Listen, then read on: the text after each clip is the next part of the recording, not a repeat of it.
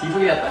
Neste år, hva var datoen, Roar? Hadde Ja, jeg lurer på om det er 19. september. Retail Apocalypse, og da er jo penger viktig. Det er 5000 kroner på spill. Det er Ja, det blir, eh, som du ville sagt, Roar, ulidelig spennende. Hei, alle sammen. Hjertelig velkommen til episode seks i Pød for Grete. Som alltid en sann glede å ønske dere velkommen. Eh, Tarjei, for jeg hørte sist gang at eh, livet eh, smilte til oss begge.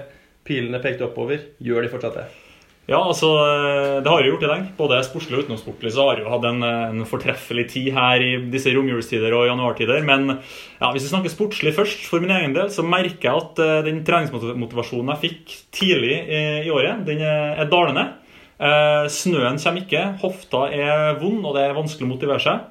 Eh, utenomsportslig så går det ikke mye bedre, Petter. Og i hvert fall for min egen del så kan jeg snakke om at Eh, har jo, vi hadde jo et enormt tilbud eh, fra liksom både sosiale invitasjoner kom det flust av.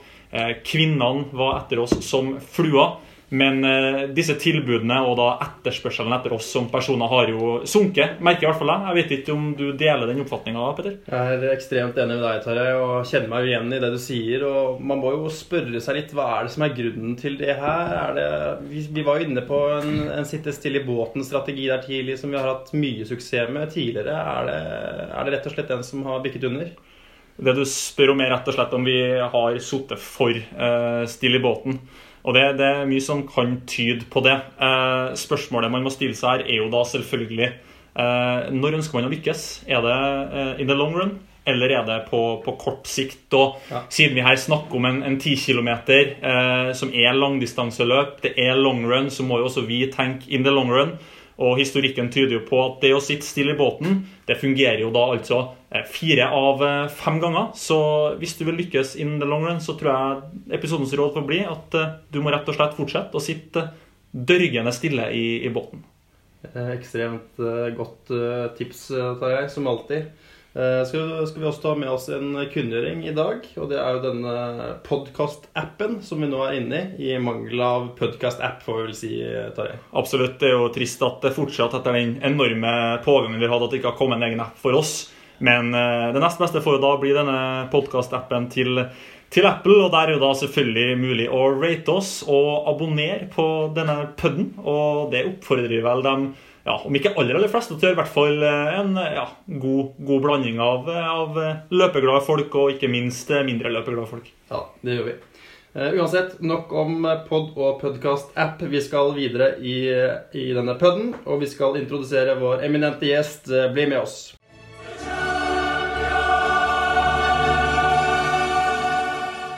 Prisen for episodens gjest i episoden De alternative stier går til en person som til gangs har gjort nettopp det. Gått opp sine egne stier der andre ikke har ferdet før ham.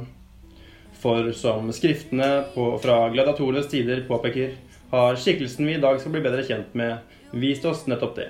At det finnes flere veier til Rom, og at de alternative stier ofte er de som ikke bare bringer med seg et meningsfullt liv, men også så mange andre goder på veien. For på mange måter er livet nettopp det. En alternativ sti med sine motbakker, røtter og glatte steiner. En sti der man aldri helt sikkert kan vite hvor man vil ende. Til tross for sin enorme suksess har episodens gjest i mange år måttet leve i skyggen av store idrettspersonligheter. Og vår mann har med årene vent seg til at det er Astrid Udenholt Jacobsen som er den aller største profilen i modeklubben Heming. Men i kulissene og på sine egne stier har episodens gjest både løpt, staket, dobbeltstaket og ikke minst rodd sine egne stier for stadig å komme seg ett skritt nærmere den suksessposisjonen han i dag besitter. Men livet har ikke alltid smilt til den alternative stifinner. Der enkelte har fulgt strømmene på Norges aller høyeste og hatt klippekort i Fedrelandets mest inkluderende studentforening, har episodens svar på Mummidalens Snusmumrikken aldri funnet seg helt til dette. Kanskje skyldes det dette forferdelige intervjuet han gjorde med KSU Bulletin, der han regelrett kastet hele NHS under bussen. Usunt var ikke et uttrykk som falt i god jord hos medstudentene. Represaliene ble både utfrysning, dårligste NHH under femmila under studentlekene i 2014 og kallenavnet 'skolens dummeste løper'. Vendepunktet skulle imidlertid ikke la vente på seg. Utøverens eh, foreløpige høydepunkt fikk vi servert fra riksdekkende medier sommeren 2017, da vår mann viste akrobatikk i verdensklasse foran en norsk befolkning stum av beundring. Siden den tid har han også klokket inn på småpinne 02 44 55 under Frankfurt Marathon 2019. De alternative stier er og blir uransakelige. Dette er på mange måter helt riktig når vi snakker om nettopp denne gjesten. Vinneren av episodens gjest er Thomas Edvard Just. Oi, oi, oi, oi, oi. Uff.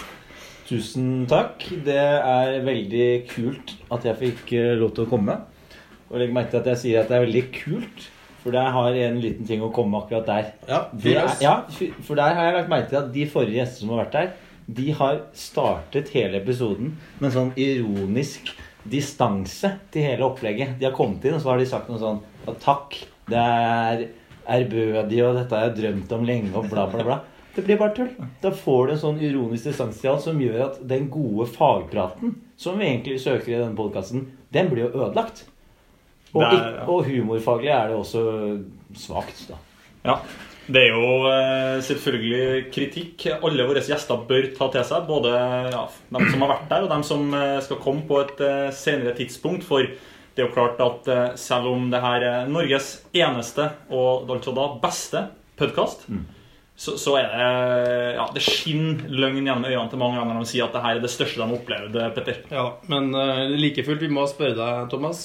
Hva betyr det for deg nå å være, gå av med seieren som episodens gjest her? Nei, som jeg sier, som jeg sa i stad, uh, det er kult. Ikke noe mer enn det.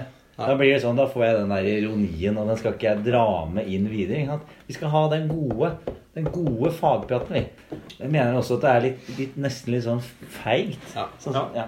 Og det her viser han jo på mange måter, Petter, denne, denne Thomas, da, at eh, han rett og slett er helt riktig mann for episodens tema, som er de alternative stier. For det her er jo ikke et svar vi har hørt eh, tidligere. Dette er selvfølgelig helt nytt for oss, og sitter jo her med Baltorsveis uh, Ja. begge to nå, men Nei, men så forstå meg rett, altså, Det er kjempehyggelig at jeg ble invitert. Det var ikke sånn ment. Men poenget var jo at eh, jeg skal være seriøs. Alt jeg skal si, her står jeg for. Jeg skal ikke gjemme meg bak eh, ironisk distanse.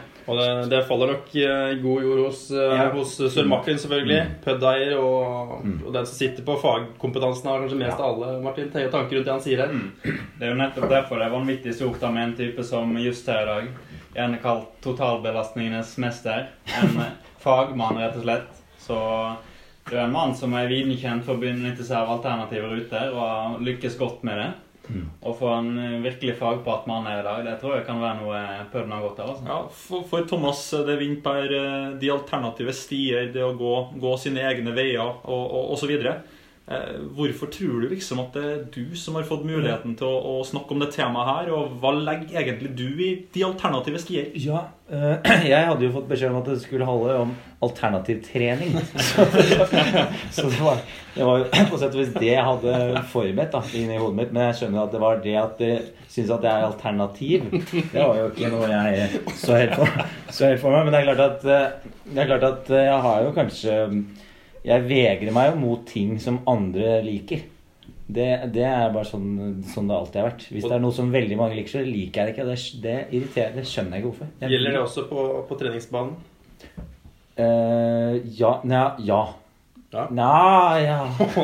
Jeg er ikke så sikker der, for der ser jeg mine begrensninger. Og der er jeg på en måte Der er jeg ikke, kan jeg ikke så mye, så der må jeg på en måte følge Der stoler jeg på fagfolk. Akkurat der stoler jeg på fagfolk. Men, men, men samtidig, så, så vi som har liksom fulgt deg litt Jeg lurer på om vi har eh, et informantspørsmål der som har snakka om at ja, det var den her maratonoppkjøringa. Vi hørte litt om maraton i introen her. Eh, at til tross for at du var på hyttetur osv., så, videre, og så, videre, så skulle du ha en eh, 33 km lang langtur eh, den helga, og ingen skulle kunne ta det fra deg. Så her viser det jo liksom likevel at ja, det liksom Jeg går mine veier. Jeg skal ha de øktene jeg mener er riktig for meg, uansett hva som skjer rundt meg. Så jeg føler liksom litt at du snakker litt ned her, da, eh, Jo, jo, Thomas. ja. ja, jo, takk, takk for det. Og, og, men det, det, der er du inne på liksom treningsprinsippet her. Og det er tre grunnøkter i uka. Og så har du kontinuitet på det. Og så kan alt det andre på en måte bare være krydder. Eh, og for mange så er det mer enn nok, det. Bare det å kunne ha tre faste økter. For min del så var det kanskje i løpingen det var én Ja, det var en, eh, gjerne en 10 ganger 1000 eller en 12 ganger 1000. Og så var det en eh, langtur da, på lørdagen. Og så var det da enten en kjappere intervall Ja, gjerne en, en litt kortere intervall. Og hvis du har kontinuitet på de tre over tid, eh, så blir det bra. Og er man interessert i andre ting, så er det mer enn nok å tenke på bare de tre. Sånn som du er inne på her, Hvis du er imponert over at jeg fikk til den ene langturen på tur, det er klart det. Martin, vi har jo vært inne på kontinuitet tidligere, og til vår første gjest tror jeg snakka om at eh, For å sitere han Alle kan være kule i momentumet, Ja. men det handler om å gjøre det over tid. Og, Hva tenker du rundt det Thomas sier her? eh? Nei, jeg tror det er mye fornuftig det han sier. altså. Sette seg ned og velge ut kanskje to-tre nøkkeløkter som gjennomfører med stil, og så får en eller supplere med andre ting. Det er jo treningsprinsippet vi har hørt blant flere av gjestene våre. Tenker du dette er noe utøverne kan, eh, altså duellantene våre kan eh, ta med seg? Ja, absolutt. Det er jo noe de burde ta med seg, og som de kanskje ikke bruker veldig den dag i dag. Ja, og det er litt interessant akkurat det der, fordi folk har spurt meg sånn Ja, ja, du har ikke løpt så mye, men du har kommet deg gjennom maraton. Har du noen tips og sånn? Og så har jeg kommet med dette tipset. Og så sier folk ja, men dette høres jo veldig, veldig lite ut, da. Og så drar de fram en sånn Marius Bakken eller en Renatoen Canova eller noe av de greiene der. Og så holder de på i to uker, og så smeller det. Så er de ferdige, da. Marius Bakken, da, for dem som lurer på det, er jo en tidligere norsk rekordholder på, på 5000 meter. Mens Renato Canova da er jo da treneren til Sondre Nordstad Moen og, og mange andre store maratonløpere gjennom tidene. Så, så det er jo, er jo helt enig der, eh, for så vidt, mm. Thomas, om at eh, liksom, man må kjenne sine begrensninger, Ja, du er sier tidlig. Og, og liksom eh, Gjør heller litt mindre over tid. Mm. Og så kan du krydre da, når du har tid. Nettopp. Og apropos krydder. Eh, det finnes kanskje noen alternative ting man kan gjøre oppi de her tre øktene, eh, Petter. Det gjør det, og da blir det jo interessant å høre Vi må jo litt inne på disse duellantene våre. Hva er det som kan være fine krydderøkter? Vi har vært inne på at de skal løpe rundt eh, sub 39 der. Sub 39, ja. Hva tenker du er et fornuftig treningsopplegg? Uh, når det gjelder uh, Henrik, så tror jeg nok eh, det han vil være mest tjent med, er å kutte til de der um, vikingløftene sine. Ja. Det må ned noen K, rett og slett. Og, og Jeg- da blir spørsmålet hvor mange? Vi har jo husker Ah. Lauritz fra episode 1 som nevnte fem kilo ned der. Er ja, på... med eller? ja, altså jeg vet ikke hva 92 er det per dags dato. 92 nå, høyden er. Vel, 90-92, der tror jeg vi har fått bekrefta Ja, altså, jeg, skal ikke, jeg skal ikke blusse opp rundt noe sånn slankepress her, men å få, få det ned fem, det bør være mulig. Og, og det kan jo kanskje også være via ren eh, eh, minke muskelmasse, rett og slett. Selv om jeg sikkert er sikker på at han kvier seg litt for akkurat det. Husker jo også at eh, da vi ringte Lauritz, så kom han rett ut av saunaen. Kan saunabasert tilnærming Ja. også være noe som kan få bort litt vekt? Vi vet jo fra kampsport at det ofte brukes i sånn, for innveiing og sånne ting. Ja. ja, men altså, Du må jo huske at dette er før innveiing. Men det er jo fordi de har en nedre grense de skal være under. Men så går de jo opp igjen før selve matchen. ikke sant? Det er jo den fundamentale forskjellen. Så hvis de går i saunaen og kommer dehydrert på start, det er ikke noe sjakktrekk. Til og med når det er bare snakk om 10 km. Ja, til og med da, altså. Det er lenger enn man skulle tro. Jeg Ja. tror ikke det, eller hva tror du, Finne? Det er jo litt sånn at når du kommer inn på siste syv eh, et Passerer syv-åtte kilometer der, så vil det vises en del fristende drikketilbud på Ja. Aker Brygge der. Så det fins visse muligheter hvis en skulle vært tom. Så stille lett idrett fra før. Litt lett i kroppen.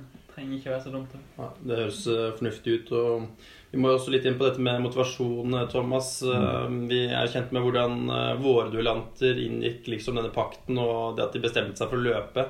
Hvordan kom du inn på det at du skulle løpe maraton, og tanker rundt hva som skal til av motivasjon? Ja, eh, altså, her er det jo penger som er motivasjon, og det var egentlig litt av samme greia for min del. Det var en flott kollega av meg, Aksel Vollan, Mm. som liksom ble sett på Oppfattet som en løpeguru på jobb, da.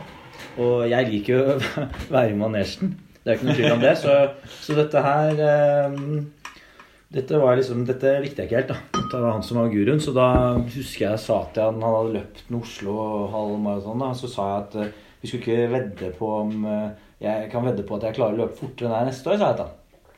Og så ble det sånn, da. Og da tenkte jeg som så at ja, nå som jeg først skal løpe halv, så kan jeg jo like greit løpe hel. For da skal jeg jo løpe uansett. Så sånn starta det. Mm. Men der er også et lite innspill, og det er jo det at skulle man kanskje økt For det er 1000 kroner i vedder. 5000. Det er fem, ja. Ikke sant? Da er vi der. Ja, for det, var, ja, har, det- har alltid vært fem. Alltid vært fem. Det, Ja. det har det. Og jeg, jeg diskuterte faktisk det her eh, i, i romjula. Jeg møtte på denne Johannes Høsflot Klæbo, da, av dem som ikke Er- er kjenner Johannes. sånn Johannes. gjør eh, Liten sånn snikskryt der kan man gjøre. Jeg møtte han på ski, og han, de hadde tilsvarende veddemål i hans eh, vennegjeng, der det var en gammel håndballspiller som skulle springe eh, halvmaraton. Og da var det flere i den eh, vennegjengen som hadde vedda 10 000 kroner på at han ikke kom til å springe under 1 12 time. Og da snakker vi flere stykker som spytter inn, ikke to som vedder mot hverandre. Så den summen er jo betydelig større enn enn for våre duellanter. Og litt usikker på hvem denne håndballspilleren er, men gitt på en måte min, eh, det jeg vet om Johannes og det jeg vet om hans vennekrets, så tror jeg ikke det her er en mann som er i fast jobb. Eh, noe som betyr at de pengene for han betyr jo betydelig mer enn disse 5000 for våre eh, duellanter. Så da er det et naturlig spørsmål som egentlig du reiser her. Bør, eh, bør den summen egentlig opp? Eh, Vi kommer kanskje litt tilbake til det i Stravalytics og motivasjonen, hva som har skjedd på treningsfronten. Vi kan kanskje diskutere det nærmere da, og så lar vi den bare ligge sånn. La oss, la oss gjøre det. Da holder man på lytteren òg, vet du. Når du sier interessante ting, og så, så vil de holde på, for da de vil vite svar på det. Så det er veldig lurt sånn rent faglig, Ja. podkastfaglig. Tenk at vi nå har kommet med tips både til lytterne våre, som har også til andre, de som driver podkast ut her, men som ønsker å bli en pud. Det er stort av deg, Vi, vi fortsetter jo å gi og gi til eh, lytterne der ute. Det gjør vi. Eh, Ja, Vi har vært litt på dette med treningsfilosofi, Thomas. Og det er vinter, skal i hvert fall være vinter. Ja. Selv om det kanskje ikke er det. Jeg vet at du er glad i å gå langrenn. Er det noe du kan anbefale duellantene våre?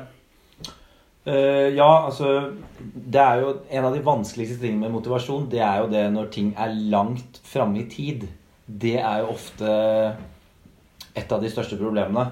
Så da kan det være kjempevanskelig å motivere seg. Du tenker det er så lenge til. Så ja, nå er det jo ikke skifører. Jeg ville jo slått et slag for ski, men det er klart at nå kan jo det egentlig For de som ikke er så glad i å gå på ski fra før, så vil det gjøre vondt verre. Men hvis jeg hadde vært en av dem, så ville jeg faktisk meldt meg på Fornebu eller sentrumsløpet. Altså. Ja. Som er eh, Ja, når er det? Er ikke det i mai rundt der? Å, tidlig mai. Ja, tidlig mai. Ja. Mm. For da holder du litt momentum der. Og så, så selvfølgelig ikke, ikke pike der, men sånn at du bare er litt i gang. da For da tror jeg det vil være mye enklere for dem å holde det gående nå om vinteren. Er det et uh, lite håp for lytterne våre Martin, om å få se selveste Sir Martin på startstreken på dette løpet? nå? Ja, vi kan vel røpe så mye at hvis de stiller på sentrumsløpet, så vil jo Pødder stille der. altså. Og hvordan stiller du deg til autografskriving? Litt selfie der? Ja, vi kan, kan alltid ta oss tid til litt eh, bilder i etterkant, så det kan jo være stort for duellantene å få oppleve det. altså. Det, det vil jeg absolutt tro. Og litt sånn, eh, et sånt forskjell For å se litt hvor skapet står, tror jeg egentlig kan være bra for, for begge to. Eh, litt sånn med tanke på at den som da eventuelt er bak, skjønner at den må liksom legge seg litt i, i selen. Eh, mens den som er foran, ja, kan det komme et lite spill av eh, litt som vi har sett tendenser til av denne Snes eh, så langt. Eh, høy selvtillit. Og egentlig bare flyte eh, på det, og egentlig bare drive med ikke bare alternativ trening, men sannsynligvis bare alternative aktiviteter. Men, men er dere 100% sikre på at de ikke de kjører Strava privat? For det er jo også For dere som ikke vet det, det går jo an å logge på Strava, men ha det privat så ingen andre ser. Det er jo et aspekt. det gjør det, Petter, og her har jo du noe du kan si om det. Ja, for Vi har jo vært inne på dette um, tidligere, nemlig gentleman's agreement, eller som du ville sagt, Ok. eh, Tarjei. Gentleman's eh, agreement. Og det gikk jo, det snakka vi om i avtaleinngåelsen, og da ble det stadfesta faktisk okay. at eh, privat, eller private mode da, på, på Strava det er ikke tillatt, i hvert fall ikke hvis øktene kan defineres som, eh, som løpsrelatert. Okay. Og så blir jo det selvfølgelig en, en subjektiv mening blant de to duellantene hva som er løpsrelatert og hva som ikke er løpsrelatert. Men det aller meste skal altså da komme ut der. En trugeøkt, kan det, det kan være, er det løpsrelatert? Det er jo liksom noe kanskje du kan svare på, for det, det er flere som har spurt litt hvordan du kobler ulike idretter sammen. Du har rodd, du driver mye med langløp og langrenn på vinteren, og så er det liksom løping da i sommerhalvåret. Og for, eksempel din bror, da, eh, denne Martin Lene Just, er det vel Martin Just, Ja. han har da spurt om hvordan kan man liksom eh, kjøre en overgang fra løping og så til staking, og vice versa. Vice versa er kanskje mest interessant for våre spionanter. Ja, altså først og fremst fra løping til staking. Det, er, det som er problemet, er at staking er jo ekstremt overkroppsspesifikt. Så i hvert fall for meg etter maraton så var jeg jo Jeg hadde en um, styrkeøkt med min venn Jørgen Myking, og det var, det var, det var rett og slett skrekkfælt. Og da, da er det faktisk bare å ta det, ta det helt gradvis. Bare Til å begynne med så er det så ille at du må bare klare å stake og holde det gående. Men så er på en måte grunnlaget der. da Så når du først kommer over den kneika, så er du der. Men når det gjelder overgang motsatt, den er jo nesten enda verre, vil jeg si. For da jeg begynte å løpe i fjor, og da jeg hadde gått inn det veddemålet, så var jeg litt sånn her Fader, jeg aner ikke hvor god jeg er til å løpe, egentlig. Så jeg bare inviterte et par stykker til å løpe da halvmaraton. Jeg vet ikke om hvis folk jeg kjente opp rundt Sognsvann. Altså rundt Sognsvann, og så opp Grusveien tilbake til det som da heter Risbekken. Det er da syv kilometer, så hadde vi den tre runder, da. Og da ante jeg ikke, så sa jeg ja, vi Ingen av dere var invitert, eller? Nei, det, da, jeg sikkert ikke, men da, da tok vi i hvert fall og, og, og sa at vi skulle begynne i fire pace, som jeg tenkte var sånn Jeg visste ikke hva som var, men jeg sa vi begynner i det, og så øker man litt, da. Og det ble da min første ordentlige halvmaraton da. Og da sjekket jeg på Jeg skulle gjerne hatt økta etterpå, eller på Strava, men da var jeg da en time og ti minutter i I5. Ja. Og dro på meg da selvfølgelig en skade, da. Hva, ja, var det da Der nevner du noe utrolig interessant. For det oss som har fulgt deg litt tettere enn andre eh, den høsten her, har jo da fått med, fått med oss da at det har vært litt skadende i bildet. Det har vært en hofte, så vidt jeg husker. Og da blir det jo igjen da interessant å tenke Når du er skada og ikke kanskje kan springe så mye som du ønsker hva, hva, hva trener du? Det her kan jo skje løperne. De kan bli skada på veien. Hva skal de gjøre for å opprettholde liksom, eh, kondisjonen? da? Eh, rulleski. Jeg slår et slag for rulleski. Ja. Og så er det også det, det aller kjedeligste og det flaueste man kan gjøre. God gamle ellipsemaskin. Men det er Ja, har du et innspill? Finne den Ah, Ah. de, de, de fleste vil eh, være enig i at ellipse er vel veien å gå Er. Det er vel den soleklare ene blant eh, alternative aktiviteter. Ja. Så kan eh, Men en annen, jeg slår også et slag for å bare stå i det. ass. Bare, bare glem smertene og bare kom seg gjennom økt etter økt. Ja, altså Hvis du, du tar Det gikk mye teip i løpet av den høsten. Du, hvis du klemmer det godt, godt til rette, så, så går det egentlig ganske overraskende bra. Ja, vi, vi skal jo selvfølgelig ikke drive med produktplassering i, i denne puben, men det er vel kanskje da snakk om en sånn eh, kinesiology-type tape, KT-tape her, da, som liksom da skal ja, rett og slett eh, få at det blir mindre belastning rundt de eh, ømme områdene Ja, og, og sånne ting. Ja, men jeg tror nok ikke den der blodgjennomstrømningseffekten er så stor. Jeg tror det er mer at du strammer opp selve muskelen der hvor eh, problemet ligger. da. At det egentlig var mest det for min del. For de gangene jeg ikke hadde tape og hadde glemt det, så måtte jeg på en måte klemme med den ene hånda inn i hofta. Og det gikk jo fryktelig utover armføringen i steget. da. Jeg hører jo at jeg må lytte her, Petter, så jeg nevner innledningsvis at jeg sliter med en hofte nå. Okay. Ok. og det er jo da få klemt hardt mens man springer, eller tape seg opp, og, og stå i det, rett og slett. Ja. Gjennomføre i hvert fall de viktigste øktene, Ja, ja. tror jeg liksom Ja. det du, du sier her, da. For, for da kommer vi tilbake til den der eh, Da jeg var på den guttejaktturen i Sverige. Da, da var det ikke bra, altså. Og da, da var det bare Da visste jeg at nå er det tre uker til maraton. Nå må jeg ha 33 km på den. Og da var det, den, da var det bare å stå i det. Og halta dagen etterpå. Det var ekstremt eh, gode tips du kom med her, eh, Thomas. Og du, du har forsøkt jeg tror, jeg, jeg tror liksom, for at egentlig tipset er Altså, ta ting gradvis. Det var det som var problemet her. Å gå rett fra skisesong til det der halvmaratongreiene. Ta ting gradvis, og ta, ha, vær litt tålmodig og ha god tid. Og så gjør sånne kjedelige styrkeøvelser. Da kan vi sikkert spørre Sør Martin Finne om litt sånn skadeforebyggende øvelser. Du har sikkert litt peiling på det, og kan sikkert sende over det. Hvor skal de kontakte deg, Martin? De som vil ha sendt over øvelser? Nei, Vi kontaktes vel gjennom eh, Puddens eh, Snapchat-konto. Ja. Ikke privat. Helst ikke privat. Det blir, okay. blir mye sånn ellers, så vi prøver å ta det Det er gjennom. en smak av toppidrettslivet inne på her, og mye press fra media. Jeg skulle til å si det, Thomas. Du har vært i mediene før. Og det kan Ja. jo bli relevant også for duellantene. Det begynner å bli mange lyttere som følger duellen her nå. Absolutt. Og der tror jeg jo at Martin, sir Martin Finne her da gjør en liten genistrek og ikke utgi sine egne sosiale mediekanaler på her i Pudden, men henviser da til det som er Pudden sin Snapchat-konto. Mens der eh, tidligere da vi så Snes eh, Henrik Roaldsjø, da, for dem som akkurat har kommet ned og ikke, ikke tar den Snes-referansen helt. Han kasta jo rett og slett ut sin, eh, sin Instagram-konto og sa 'slide into my DMs' der når man skulle spørre han om ulike ting. Og spørsmålet blir jo da, etter hvert som denne puben bare ja, blir større og større og større Vi har jo allerede lyttere både i USA, vi har vel andre kontinenter nå? Jeg mener vel oss så har sett at vi har vært både i Frankrike og Spania der, så Så, så poenget her er jo da at eh, kan vel hende at uh, Roaldsnes har vært litt hissig på grøten der. Kan det bli personlige ting som blir blanda med profesjonelle på sikt? Det vet vi ikke. Det blir bare spekulasjoner. Men vi, ja, vi må kanskje avslutte den eh, faglige, veldig veldig faglige praten med, med Thomas eh, her i den delen her ekstremt uh, faglig. Jeg vil kanskje strekke meg til å si et faglig uh, høydepunkt uh, på den så langt. Til nå, ja. Til nå. Ja, For det har vært mye, mye flås, syns jeg. Det har det. Og det er jo sir Martin Finne som er det faglige alibiet her. Hvordan rater du fagligheten så langt? Ja, Det er noe jeg har, tatt, jeg har fått tilbakemelding på som Pødde måttet ta tak i. Det er derfor vi har fått inn en fagmann som Thomas her. Ja. Så eh, vi er oppe på en ni av ti, vil jeg si, foreløpig. Sånn fagmessig. Ja. Det er ganske utrolig. Med det så tror jeg vi skal rett og slett eh, pødde videre. Det tenker jeg vi skal. La oss gå videre til eh, neste spalte. Vi skal altså ringe noen, og det er snakk om Vi ringer!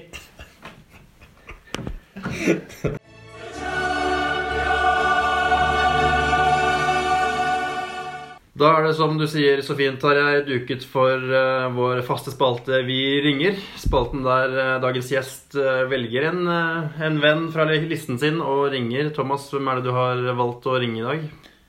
Da har jeg valgt å ringe eh, Magnus Solheim, populært kalt Storken. Ja, Det blir jo spennende å snakke med denne storken og spørre om bakgrunnen for det, for den her. Hvorfor har du valgt å ringe akkurat denne Solheim, eh, Thomas? Nei, han er jo vel en av mine beste venner, da. Og han, eh, jeg tror, han har også mye Altså Hvis du skal ha alternativtrening, så skal du ha han. Han ladet opp til eh, maraton i Frankfurt ved å være trener på NTG freestyle, free, altså twin tip, i Hintertux i høyden. Så han ladet rett og slett opp i høyden. La oss eh, ringe Ja, Storken. spør, spør litt om det. Skal vi se. Storken her. Da er vi ringer Storken. Er det, er det det som har gitt han dette navnet? At han er i høyden? Nei, det er at han har fryktelig lang hals. Solheim, ja. Der går han. Ja. Dere snakker. Ja. Var du inne på sjiraff da, hvis det var lang hals? Eh, ja. Ha. Hallo, ja.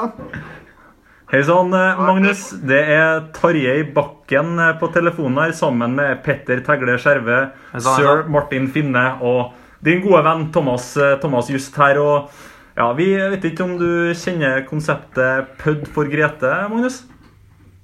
Om jeg kjenner konseptet PUD for Grete. kødd, kød for Grete.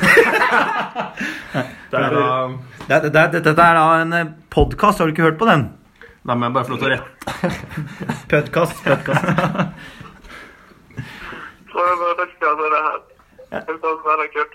Nei, det er, men det er en podkast, i hvert fall. Nå må du svare. Ja. Det er en podcast. ja. Da tar vi det det, videre. det er det. Og, og Thomas da er her i, i episoden som heter De alternative stier, der han har snakka litt om ja, alternativ trening da, inn mot, uh, inn mot løping. For vi har da nemlig to duellanter som skal springe. Ti for Grete nå til høsten.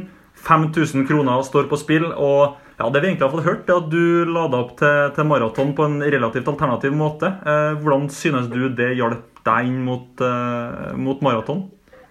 Ja, den var jo Jeg synes den var Den satt Man fikk jo liksom en høyde Man fikk jo det høydeaspektet. Ja, men er det lenge, Hvor lenge var du i høyden, for å få det klart? Jeg var jo der ti dager. Hva syns Martin, hva syns Martin Siden om den? Hva, hva tenkte han om den?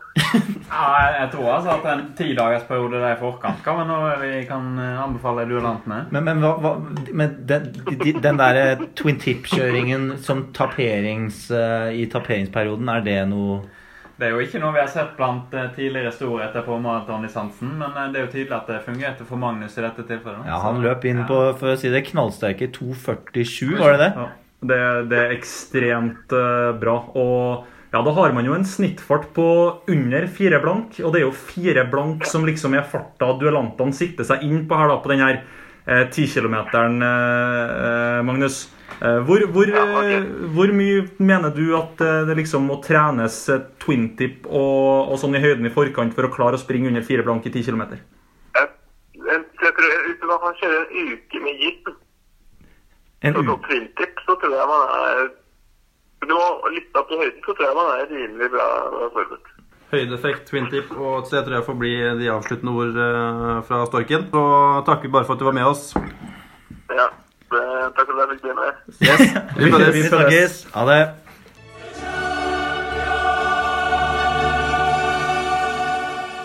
Kan det være den dårligste vi ringer? Det må det være. Det må det være. Det er, bunn, det er høynotering på faglig nivå. Bunnotering på vi ringer. Men eh, vi skal videre, Petter. Vi skal videre, og endelig så er det sør Martin som skal eh, lose oss gjennom eh, denne spalten. Det er nemlig Amalies eh, lykkehjul. Står det noe på spill i dag, egentlig? Det står som alltid fint du nevner det, Tarjei. Det står som alltid om et gratispass da, til eh, afterparty etter ti Tid for Grete. Og Thomas, du har jo vært så heldig at du har allerede sikret deg et pass. Veldig takknemlig for akkurat det. Eh, Men du kan jo fortsatt vinne, og da, da blir det jo Thomas pluss one som, eh, Ja, som jeg lurer på om da. Storken, som takk for eh, veldig Veldig livlig telefonsamtale. At det kanskje er han som skal være med. Hvis jeg klarer å vinne Det dette. ville vært ekstremt fortjent i så fall. Men jeg tror jo at eh, i dag er jo min dag. Jeg har jo preppa godt på quiz den siste tida, og jeg vet jo sjøl også at det står en sånn billett på, på spill. Og jeg har hørt noen rykter om at hvis jeg, hvis jeg taper ti på rad, så må jeg faktisk vinne en billett sjøl. Da kommer jeg ikke inn på min egen, min egen bakett. Martin, vær så god. Yes, vi snakker jo gjennom at uh, dette er alternativenes episode. Ja. Og vi har jo snekra sammen en liten quiz som er i eh, samme tråd. Og hvis du begynner med første spørsmål, da, så spør vi Hva nevnes typisk som den mest kjente alternative julematen for den veganske delen av befolkningen? For den veganske til jule... Det er ikke julemat. Men det må det vel være som er Sheffields pie. Ok? Prøv meg på en vegan Grandiosa herfra. Ja, det er mye gode forslag her. Men det som typisk er den mest kjente, er jo nøttestek. Selvfølgelig. Nei, fytti kjent blant det veganske Nøtt... Hva hva er det for noe? Og vi har jo en del veganske lyttere her, så nå må vi være litt forsiktige med Ok. språket. Ja. Ja, men samtidig så er det en pudd med Ja. høy takhøyde og Ja, beklager, men hva er nøttestek? Ja, det må vi nesten ta med Dette vi er jo på, på vegan 101 her. Det Det, er jo helt ikke- basic vegan food her, og det er jo en stek. De serverer, jo, Ja, de serverer jo nøtter nede i Tsjekkia. Det er jo ikke vegansk, det. For dem som eh, har lyst til å da gi denne Thomas eh, just informasjon om hva egentlig en sånn nøttestek er, så kan de vel bare kontakte deg direkte, Thomas, på Eh, Strava primært. vil jeg På. Strava primært, ja. Thomas Edvard Just. Uh, ja, la oss få spørsmål to, Martin. 0-0 foreløpig. 0-0 foreløpig. Og spørsmål to lyder selvfølgelig. En av duellantene i vår duell er jo fra Trøndelag.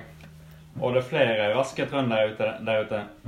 Og hva er rekorden fra en trøndersk løper på distansen 10 km? Sånn. Men da er det veldig viktig, for da er det da 10K, altså gate, eller er det da 10 000 meter som da er bane? Ja, det er den raskeste 10 km, så da Ja, da omhavner vi begge. ja, da er ja, begge Kan jeg ta først? Jeg skal Ja, først. Ja. greit. Det, ja, så, men det, det, da er det spesifisert. det er samme. Det må da være um, Sondre Nordstad Moen på 27-24.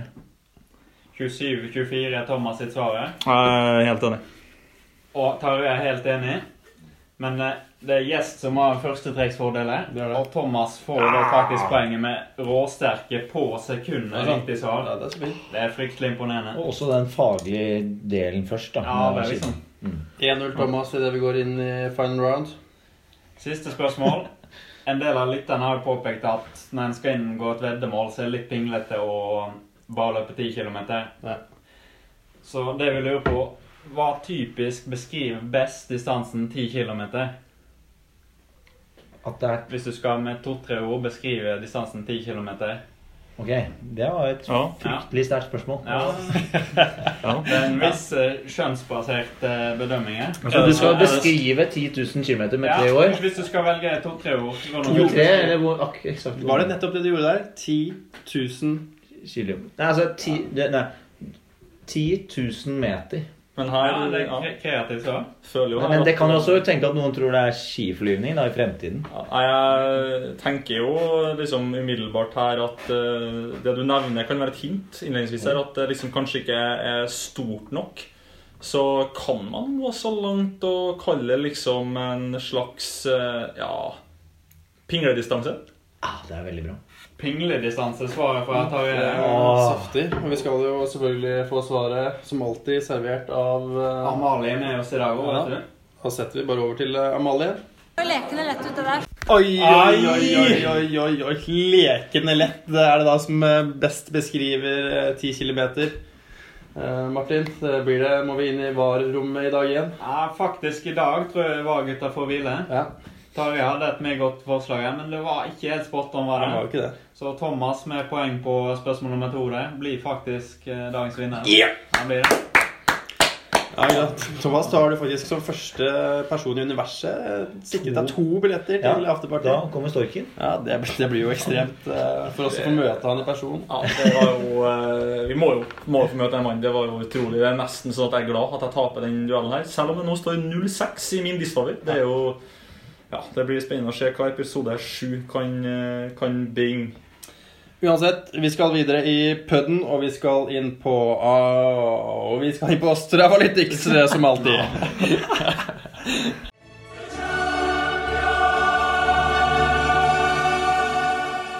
Som alltid eh, disse to ukenes høydepunkt, Martin, når du skal ta oss gjennom eh, Stravas verden. Hva er det vi har fått sett av våre to kamphaner, Tommy og Snes, de to siste ukene? Ja, Det har vært en snedig miks, vil enkelte hevde at det har vært. Eh, hvis du begynner med Tommy, da, så han kjørt den sedvanlige 30 ganger 1 minutt-økta si. Holder seg til Ja, vi eh, antyder det sist at det lå eh, Det var tid for litt eh, mengde og intervaller fra Tommy igjen. Ja. Og nå har han rett og slett dunka to intervaller i bordet. Det er 30 ganger 1 minutt, og den sagnomsuste 4 ganger 4-økta. Ja, ja, Jeg vet ikke, Vi har vel kanskje sagt nok, men det kan jo sies nok en gang. Kanskje hva vi, hva vi tenker Hvor om det. var det vi skulle legge den fire ganger fire til deg? Vi sendte den jo liksom sammen med hele Blogger-Norge til Dubai der eh, sist gang. Eh, men det kan jo hende at eh, det her er et slags eh, Ja, viser en liten av den, midt, den midterste fingeren rett og slett til, til pudden. Jeg vet ikke, Thomas, fire ganger fire, dine tanker rundt en sånn type økt? Eh, ja, min samboer er forleden. Hun sa at hun skulle dra og løpe og løpe fire ganger fire. Da sa jeg at det er det dummeste du kan gjøre. Ja. Du kan ikke ja. Ekstremt enig. Ja. Så det er rett og slett fire av fire som atter en gang slapp til fire ganger fire. Mm. Jeg vet ikke hvor mange episoder det må gjøres på rad før vi, vi ikke får se den, den økta lenger, i hvert fall blant duellantene her. Samtidig så er vi jo inne på de alternative stier her. og Du har jo vært inne på, var tidlig inne på det, Thomas, at du, du, du liker liksom det som andre ikke liker. jo, men altså, det å kalle fire ganger fire for alternativt nå, det, da, det blir nisje. Hvis det, det blir nisje. Det er ikke alternativt. Absolutt. Ja. Er det noe mer fra Tommy, eller må vi over på Snes, da? Tommy er verdt å nevne i tillegg at han har kjørt en 5,5 km steady. Ja. Ellers er det ingen flere økter etter det. Oi, det er, det er jo lite Ja, det, det er tre økter på en relativt lang tidsperiode. På to uker. På to uker, det. Så det bryter jo litt med prinsippet du nevnte Sa, prinsippet Thomas. Om kontinuitet. at. Ja, Ja. Må vi justere, Vi har vært inne på kontinuitetsprinsippet er jo- sub 39 tidligere. Må vi justere estimatene Ja, her? altså- Det kan da ikke gå med treningsgiveren her. Det er jo ikke sånn at vi føler at vi må nedjustere estimatet, iallfall. Det er det iallfall ikke. Mens vi tar Roaldsø på den andre side, da, så har det ikke vært noe mer eh, mengde der. For det har rett og slett vært kun én økt. Oi! Oi. Og det er en halvtime på 12 km i timen. Så da har du rett og slett en rolig 6 km. Det er ikke Det blir sånn Det er det når vi snakket om USA, det er det vi kalte de kryddere. Når du har de tre grunnøktene, så kan sånn herre Alt det der var sånn krydder som du gjør på tirsdag etter du har hørt intervaller. Det er ikke noe chili explosion eller det der. Det er jo mer noe Det er den der. Ja, eller en Nattviks krydderblanding. Ja, ja. Ja, Knapt det. det, her er jo litt sånn Alle som på en måte har litt eh, kulinariske ferdigheter, vet jo at du starter jo ikke med krydderet. Nei. Du må jo hele retten først, Ikke og så krydrer du til slutt. og ja, vet ikke, Har vi liksom sett noen statistikker generelt eller noe prov på at liksom, at eh, hvorfor det her skjer, eh, akkurat våre duellanter, Martin? Ja, det er veldig fascinerende der, ja. Og i den forbindelse har jo Pudden denne gangen eh, satt i gang litt forskning. Så vi har rett og slett eh, vært ute der på Strava, satt i gang et team og sett litt på hva, hva som skjer når folk kommer ut i januar. Der, sant? En har jo gjerne nyttårsforsetter, trener mye i starten av januar. Noen i varierende grad har sett blant våre duellanter, men så at det avtar, da. Så det vi har kommet fram til gjennom vårt team, er jo at 80% bryter med sine nyttårsforsetter etter 20. januar. Og det som er litt interessant her, da, er at den siste økta til annet Tommy, den er i helga der 19. januar. Oi, oi, oi. Mm. Og jeg tenker, Thomas, hva du tenker om det her? Nei, det var, det var det akkurat det jeg var inne på tidligere. At de har Du må gjøre det enkelt fra start av, og så må du sette en slags sånn grunnpilar, noe som du kommer til å klare å holde. Jeg er sikker på at han eh, Roaldsnes pra, prata om eh, skulle gjøre ditt og skulle gjøre datt. ikke sant? Men det blir ikke gjennomført. Og så skal du planlegge det altfor komplisert. Det går aldri. Da, det, du må gjøre det enkelt. Og så ha kontinuitet på de enkle øktene som jeg var inne på i stad. Ja, det blir jo naturlig nå, litt som vi var inne på tidligere her, det med at eh, ja, kanskje, kanskje pengebeløpet rett og slett er for lavt. Ja, det er klart at han er jo er han andre også har jo den ærverdige jobben som revisor. Og da er det jo Det tikker jo nok av overtidstimer i januar. Og det å sette av den lille, det, det svir ikke så mye da, altså. Det kan være noe der, altså. Så jeg tenker, kan ikke vi ta oss bare oppfordre egentlig lytterne våre til å kontakte oss på Snap-kontoen vår? Da denne, denne pod 4 Grete i mangel av ø i det latinske eh, bibliotek, vokabular, holdt jeg på å si. Alfabet, vil jeg egentlig sagt. Noen ville ha sagt det også. Eh, og rett og slett kom med forslag til hvor mye penger det egentlig bør stå på spill i den duellen her, for å få uppa egentlig eh, treningsiveren blant duellantene. For en annen statistikk vi også har sett på, vi har jo også vært innom Vinmonopolet. Og der er det vel sånn at det selges 450 000 liter mer alkohol i februar enn i januar. Oi, oi. Og det tyder jo på at Vi snakka litt om livets balanse forrige episode. Kanskje de rett og slett har den, det, er ikke- balanse lenger. Det høres ikke ut som det er i balanse lenger, basert på de statistikkene vi har her. Livets ubalanse. Oddsen, Martin, er den i balanse, eller hvordan ser det ut der? Ja, det er jo sånn at Når vi setter oddsen i dag, så støtter vi oss rett og slett på forskningen. Mm. Og det har seg sånn at Roaldsø sin økt den var etter den datoen. Ja. ja. Han økte 21. januar. Så forskningen tyder jo på at han har evnet å holde ut. da. Mm. Det er jo ikke et vanvittig omfang, men han viser iallfall en standhaftighet og en eh, kontinuitet, selv om det er lavt volum. Mm. Så vi eh, opererer nå med odds på Roaldsø på 1,50. Mens odds på Tommy er oppe i 2,70. Så Oi. eh, det er vel det høyeste vi har vært i 2020, faktisk. ok. Det, Det aller høyeste siden vi så dette Black Friday eh, Mm. som vi kjørte der.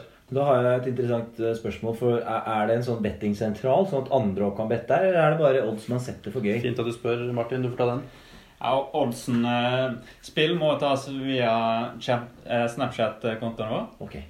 Så eh, oddsen justeres jo løpende, og det er jo et sånn omfang på spillet at eh, den Snapchat-kontoen går varm til tider. Den gjør det. Vi har hatt kan man eh, binde- tilfeller av at den faktisk har vært nede. Kan man binde odds nå, for eksempel? Sånn at jeg kan nå binde Ja Altså binder jeg det den oddsen? Ja det kan. Absolutt. Ja. absolutt. Mm, binde spill. ser jo her han kanskje ønsker da, altså du vet jo, Hvis du setter et bet, uansett størrelse, om du vinner eller ei, så får du jo også en gratisbillett.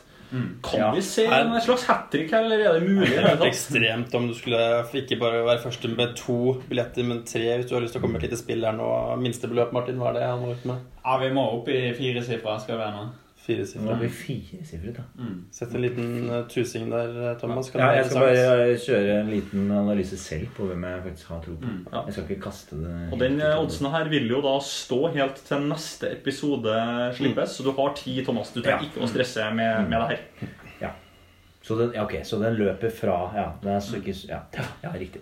Og det er jo litt sånn at det plutselig kommer det noen kampanjetilbud innimellom. Og Ja. det er litt sånn feilsatt odds og litt sånn små kampanjer som de gjerne kan kaste seg på hvis den er overvåken. Så her gjelder det bare å følge med, rett At det ikke har vært et januarsalg her Ja, nå, men det, det er fortsatt januar. Plutselig. Når vi spiller inn, så er det fortsatt januar, så vi vet aldri. Da tror jeg vi skal, Hvis du er ferdig, Martin, så tror jeg vi skal rett og slett eh, bevege oss videre over til en annen del av Stravans verden. Bli med oss.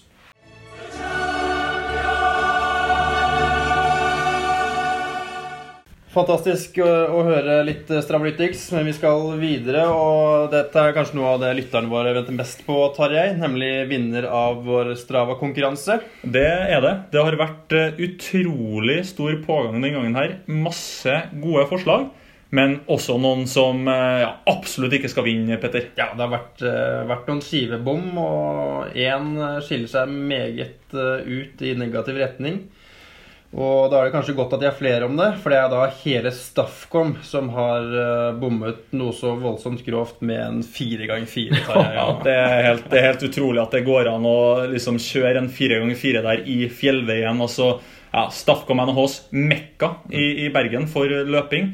Og det er liksom, ja, Du har eh, løpere som eh, Kaja Morken, Jørgen Tvedt, Vetle Lunde og ja, Sander Baksjøberget, som ja, etter min mening alle bør vite eh, bedre enn å rett og slett nummer én, delta på en sånn økt. Og noen av dem har også fasilitert den. Det, det, ja, det er ikke et eksempel til etterfølgelse hvis du ønsker å vinne denne konkurransen. Det er da til å rive seg i håra, og det er disse som da absolutt ikke vinner noe gratispass til, til afterparty denne gangen. Så har vi en litt sterkere kandidat her. Det har vi. Det er jo en tidligere nevnt eh, favoritt i pudden, nemlig Caroline Saltemark, som har kjørt en liten pødorama, da, pre-ny destinasjon her i Var det Bologna, da? Italia, kanskje? Ja, Det var da i hvert fall internasjonalt. Og mens du er inne på Saltemark, her, så skal vi ta med oss et lytterspørsmål. Det er jo da tidligere skiskytter Kristian Christian Sæten har faktisk en egen Wikipedia-side for de som er interessert i å, å lese litt om han. han. Han lurer på, for han har fått med seg det at Saltemark har vært med tidligere, Tarjei. 1000 følgere på Strava hadde hun eh, rett før jul.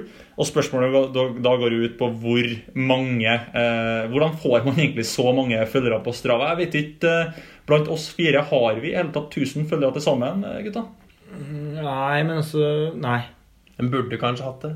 Burde kanskje hatt det. Sir Altså. Martin, du er kanskje den naturlige å spørre. Hvor mange har du? Sånn pluss-minus Vi fikk bikka 100? vel nylig 300 rett før jul. Oi! Så, eh, Det er sterkt.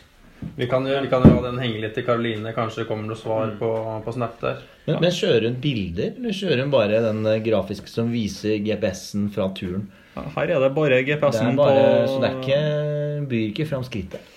Nei, det, er, det gjør hun ikke. Og det er kanskje også like greit på et sånt åpent sosialt medium som Strava da er. Vi skal videre til neste nominerte, og det er jo da den, en mann som vi nettopp slakta. Jørgen Tvedt. Han kan når han vil. Og eh, hva da han har gjort, eh, Petter? Ja, Dette er jo en av mine absolutte favoritter all time på, på Strava-konkurransen vår. Og det er jo nettopp fordi han har vært eh, såpass på ball, da, hørt på, på PUD.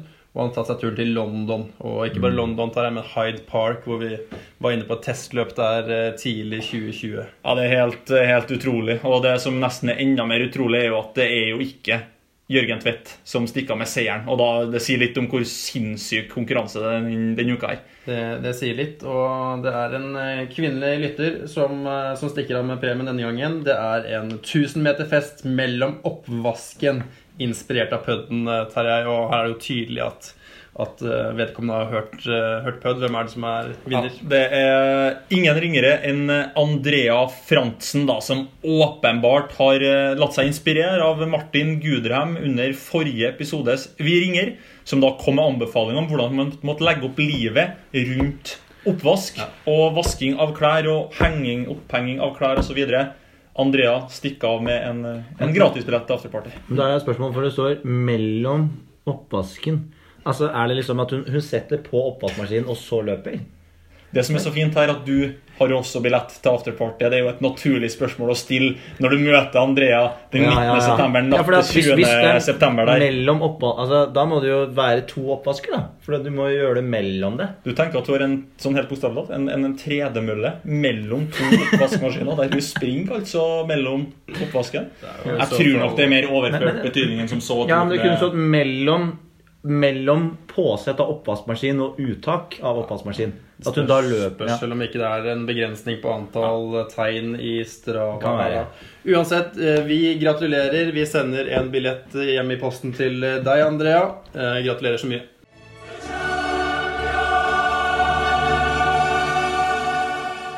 Da nærmer vi oss veldig slutten her i dag, men vi skal som alltid ha med oss fot i bakken. Spalten der Tarjei Bakken gir oss eh, svaret på et ord, uttrykk eller begrep som vi alle går rundt og lurer på. Og dette begrepet som jeg har klargjort i dag, Tarjei, det vet jeg mange lurer på, for jeg har fått mye spørsmål om det.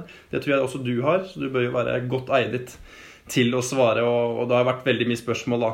Hva, hva Dere sier pødd. Hva er det en pødd egentlig er for noe? Hvorfor er det ikke en pod? Jo, eh, det er jo et eh, utrolig berettiget spørsmål som vi har fått eh, veldig veldig mange ganger. Og den, den naturlige responsen når folk da nevner Har du laga pod og sånne ting, det, ja, det, det, det er ikke en pod, det er en pud. Sånn som du ofte gjør, du skyter inn med en gang at det er en pud.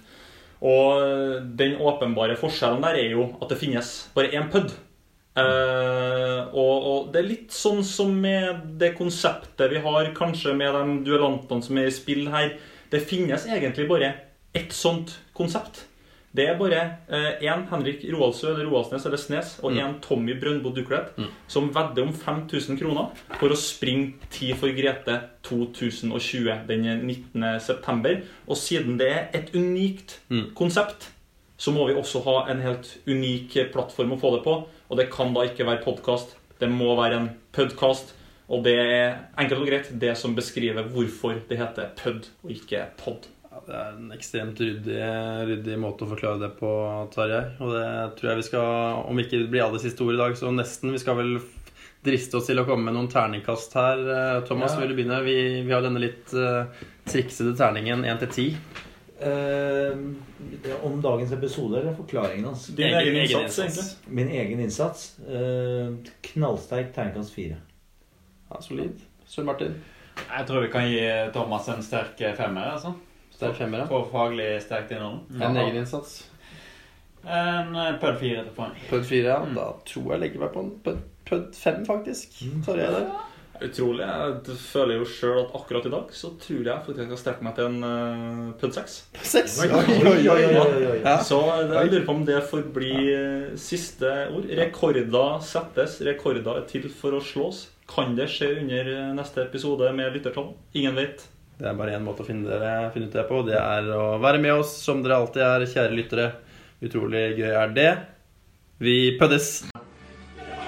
Tid for Grete. Neste år, hva var datoen, Roar? Hadde du jeg lurer på om det er 19. september. Retail Apocalypse, og da er jo penger viktig. Det er 5000 kroner på spill. Det er Ja, det blir, eh, som du ville sagt, Roar, ulidelig spennende.